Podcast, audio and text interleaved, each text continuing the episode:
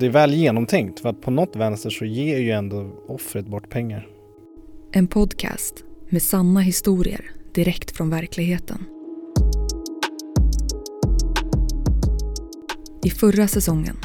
Jag har inte träffat honom. Vi har kommit varandra jättenära och vi har blivit jättenära vänner och förtroliga med varandra. Och han verkade väldigt ärlig men jag tänkte det är, jag har inte träffat honom. Det är en chans när jag skickar pengar till någon man aldrig har träffat. Om otrohet, bedrägerier och livsavgörande händelser. Så kom min man hem också och så sa han stäng fönster, stäng dörren. Det är olycka på kärnkraft. Så sa jag varför olycka? Så han sa brand. Så när vi satte oss i bilen så berättade han till slut att han hade varit otrogen och den här kvinnan blev gravid. Eh, och vid det här tillfället när han berättar så är alltså barnet fött och två veckor gammalt.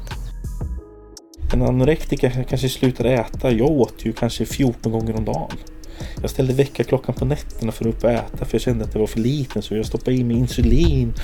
Jag hamnade på akuten på grund av insulinet för att jag tog för mycket insulin och fick inte tillräckligt med mat och det för att jag någonstans kände att jag var för liten så. Nu kommer podcasten Dokumentära berättelser med en helt ny säsong. Den första november och så ser jag genom köksfönstret två polisklädda män som står där. Och då tänker jag ju direkt, ja men de letar efter Jojje. Så jag går ut dit och så stänger jag dörren för jag tänker att ingen hemma skulle behöva höra liksom. Jag kan se att du har haft sex och att du inte är oskuld och han kunde se massa grejer på mig och att han kunde se på de andra simmarna att de var rakade och så vidare.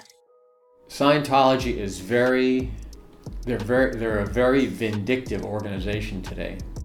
Men ibland så var det ju väldigt mycket politik och nazistpropaganda inblandat. Alltså man planerade olika demonstrationer, konserter, flygbladsaktioner. Lyssna i Radio Play-appen eller överallt där du hittar poddar.